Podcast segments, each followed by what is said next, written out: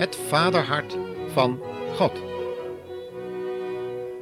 Een verwond mensenhart. Welkom luisteraar in het familieprogramma van de Stichting Adulam voor ambulante hulpverlening. Heeft u zich wel eens afgevraagd hoeveel verwonde mensenharten er in deze wereld zijn?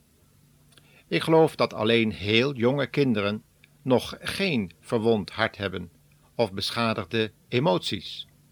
Vandaar dat we misschien zo vertederd kijken naar het gedrag van kinderen, die zo onbevangen en vol vertrouwen naar je kunnen toestappen en de meest verharde zondaar kunnen ontdooien. Deze serie radio-uitzendingen zijn bedoeld om God van een kant te laten zien die maar weinigen hebben leren kennen, omdat de meeste mensen nooit de gelegenheid hebben gehad om God als hun liefhebbende Vader te zien. Zij kennen Hem niet als iemand die ze kunnen liefhebben en vertrouwen, iemand die hun volledige trouw en toewijding en inzet waard is.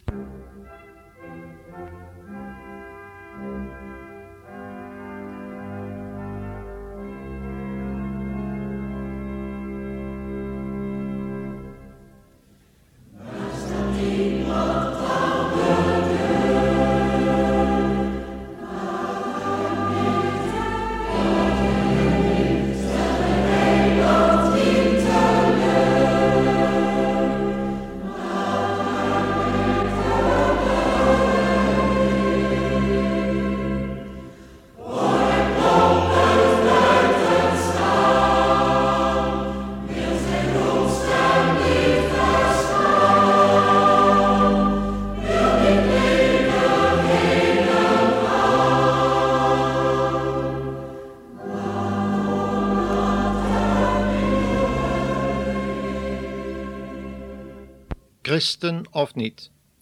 Iedereen denkt vroeg of laat serieus na over de vraag wie God nu eigenlijk is.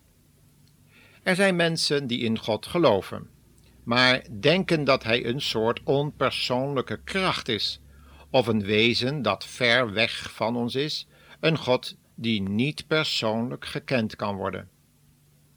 Eigenlijk wordt dat ook soms wel eens zo genoemd in het Oosten: het Al Anderen willen hem wel persoonlijk leren kennen, maar hebben daar grote moeite mee, omdat ze hem voorstellen als een soort grootvader, met een lange grijze baard, gekleed in een zwart pak, die met vlammende ogen vanuit de hemel neerziet en oordeel brengt over ieder die durft te lachen op zondag.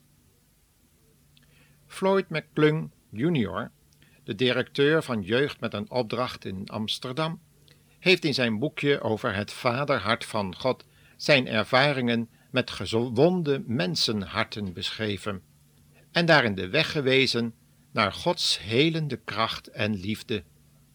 Met dit boekje als achtergrondmateriaal zijn deze radioprogramma's samengesteld, in de wetenschap dat God als liefhebbende Vader zijn zegen over deze uitzendingen niet zal onthouden. We zijn Floyd McClung dan ook uiterst dankbaar dat de Heere hem heeft kunnen gebruiken om dit schitterende boekje te schrijven. U kunt het trouwens bij de stichting bestellen.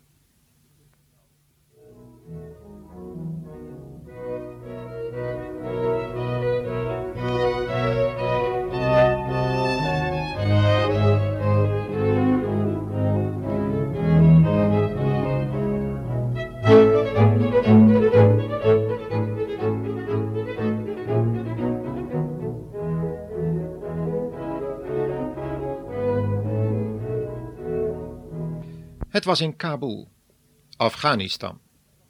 Ze zagen elkaar voor het eerst op de vijfde verdieping van het Olfat Hotel. Hij noemde zich Steve, maar het zal wel niet zijn echte naam geweest zijn. Slachtoffer van drugs, die op de beruchte hippieroute was gestrand en nu met een vijandige en tegelijk uitdagende blik een pijnlijke vraag stelde. Hij vroeg of Floyd wilde weten wat de gelukkigste dag in zijn jonge leven was geweest, en vertelde dat het de dag was toen zijn beide ouders op zijn elfde jaar door een auto-ongeluk om het leven waren gekomen. Hij verklaarde haastig dat hij tot aan die dag telkens weer had moeten aanhoren hoe zijn ouders hem haten en hem niet wilden accepteren, omdat hij voor zijn ouders een ongelukje betekende. Ze hadden niet op zijn komst als baby gerekend en hun afwijzing gedurende zijn hele leven niet onder stoelen of banken gestoken.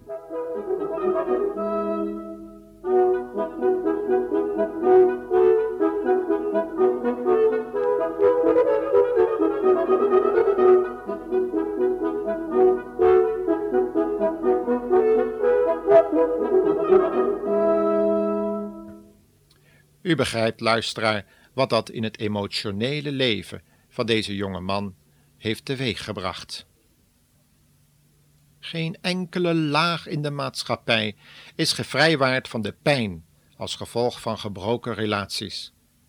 Ongeveer 10 miljoen Amerikaanse vrouwen waren in de 70er jaren reeds verslaafd aan kalmerende middelen. En dat zal intussen wel niet minder geworden zijn. Een psycholoog schatte dat 70% van alle gewelddelicten gepleegd werden door kinderen van gescheiden ouders of uit gezinnen kwamen met slechts één ouder. De gemiddelde Europese ouder kijkt gemiddeld 3,5 uur per dag door tv te kijken en besteedt slechts 30 seconden aandacht aan zijn kinderen. Overdreven? De cijfers van de statistieken liegen er echt niet om. De mensen op de berichte Huppy-route waren het resultaat van deze levensstijl. Dat was duidelijk. Ze waren het resultaat van een generatie die een filosofie gezaaid had van individualisme, materialisme en genot als hoogste levensdoel. Hun ouders ontkenden het bestaan van God, van absolute waarden en normen en het belang van een gezond functionerend gezinsleven. Gevoelens van afwijzing en het hebben van emotionele littekens zijn normaal geworden. Ze zijn meer regel dan uitzondering. Het komt voor dat één op de twaalf kinderen van een klas uit een normaal functionerend compleet gezin komt.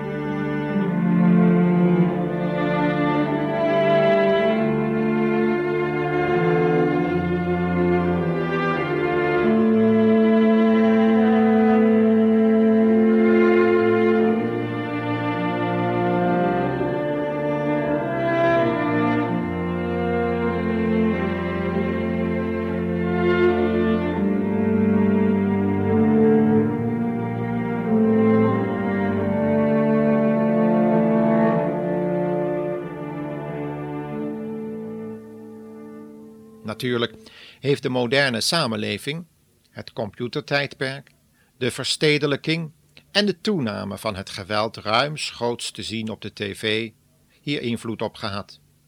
Ruzies tussen ouders en kinderen, tussen ouders onderling, waar kinderen machteloos moeten toezien hoe ze elkaar verwonden en beledigen, maken dat het jonge hart zich verhardt, zodat het geen liefde meer kan ontvangen of geven.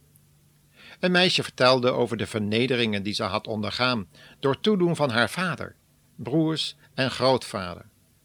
Een jonge, knappe vent begon te huilen toen hij vertelde dat hij nooit gehoord had dat zijn vader van hem hield. Weer een ander was gefrustreerd geraakt door de gedachte dat zijn ouders hem gewoon hadden overgedaan aan anderen, omdat hij gewoon te veel was. Hij was gekomen op een moment dat het hun niet uitkwam.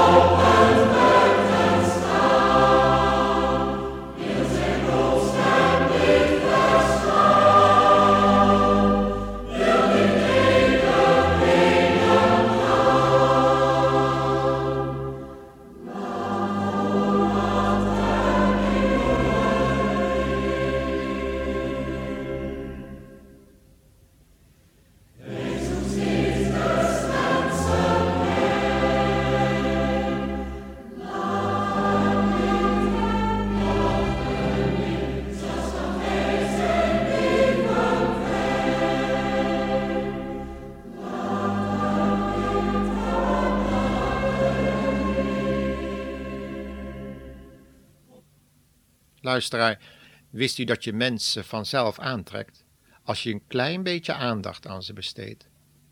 Wanneer wij als christenen ons om anderen bekommeren en liefde, aanvaarding en vergeving tonen, leggen mensen vanzelf hun leven voor je open. Kunt u dat aan, luisteraar? Heeft u zelf die innerlijke vrede en hoop die alleen de Heer Jezus geven kan? Heeft u vrede met en van God door het volbrachte werk van Jezus op het kruis van Golgotha?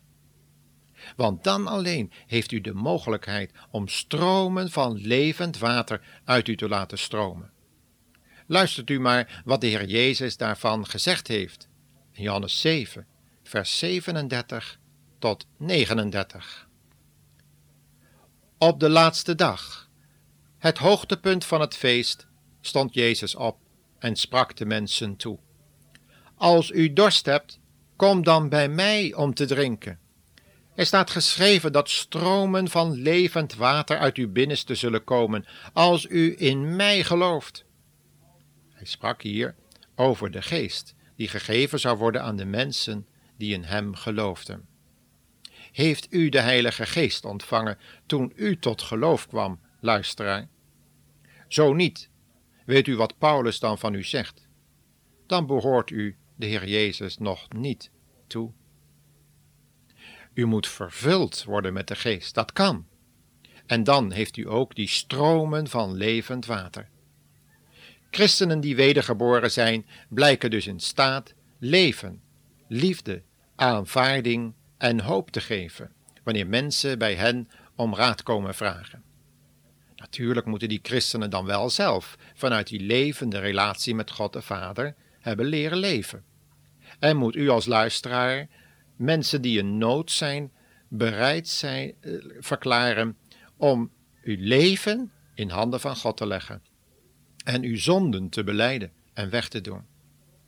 Maar de garantie is er van Gods wegen dat er inderdaad een volmaakte vernieuwing mogelijk is, door de Heer Jezus en de krachtige werking van zijn woord en geest. Jezus heeft van zijn woorden gezegd dat ze geest en leven zijn. Dat betekent dat er een nieuw begin mogelijk is.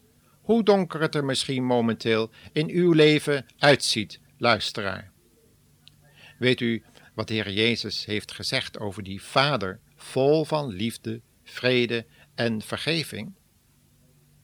De Heer Jezus heeft tegen zijn discipelen dit gezegd. Hij gezien heeft, heeft de Vader gezien. Erkent u niet dat ik in de Vader ben en de Vader in mij is?